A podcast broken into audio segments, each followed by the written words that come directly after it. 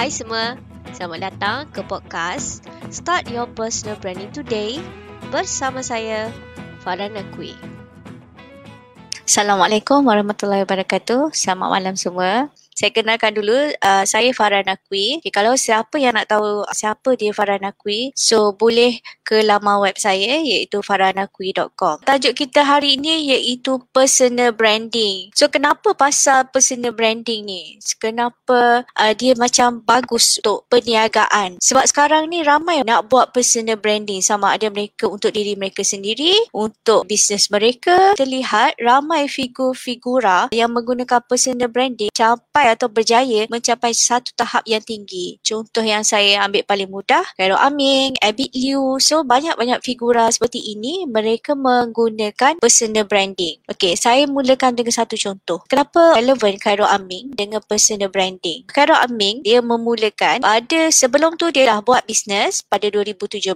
Dia telah membuat samban nyet tapi samban nyet tu mendapat kata kegagalan. Jaya menjual 200 saja botol. Lepas tu macam biasa saya rasa semua orang berniaga macam tu. Dia akan dapatkan satu produk, lepas tu dia akan keluarkan modal untuk marketing dan ramai sekarang ni kalau berniaga online memang dia akan buat FB ads, okay? Buat viral, buat FB ads. Itu adalah orang kata perkara biasa orang dia sekarang berniaga. So pada 2018, Khairul Amin telah decide untuk buat personal branding. Okay, sebab dia kata decide tapi goal dia sangat jelas. Langkah pertama, kalau kita sebagai seorang individu ataupun tidak semestinya pemilik produk tapi boleh juga macam penjual insurans, ejen hartanah. So semuanya boleh menggunakan kaedah pendekatan personal branding. So macam mana caranya? Orang membeli dengan dia percaya pada dia iaitu dia decide untuk buat personal branding. Okay? Dan macam mana kita nak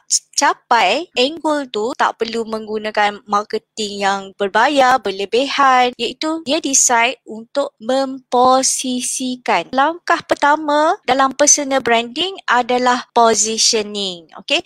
Positioning sangat penting. Kenapa positioning? Apa maksud positioning dalam bahasa Melayu? Positioning adalah kita meletakkan diri kita pada satu posisi. Senang aja. Cuba kita tanya soalan siapa kita mahu dikenali sebagai. Itu untuk diri kita. Kalau produk ataupun brand ataupun jenama, uh, apakah perniagaan kita yang mahu dikenali sebagai? Uh, jenama, produk. So semuanya itu adalah kita kena sangat clear, kita kena sangat jelas untuk define, terangkan, tuliskan, kita bagi description yang jelas di mana uh, diri kita, produk kita, bisnes ataupun jenama kita yang orang kata kita nak orang kenal sebagai dikenali sebagai. Itu adalah perkara pertama yang orang kata dalam personal branding. Who do you want to be known as?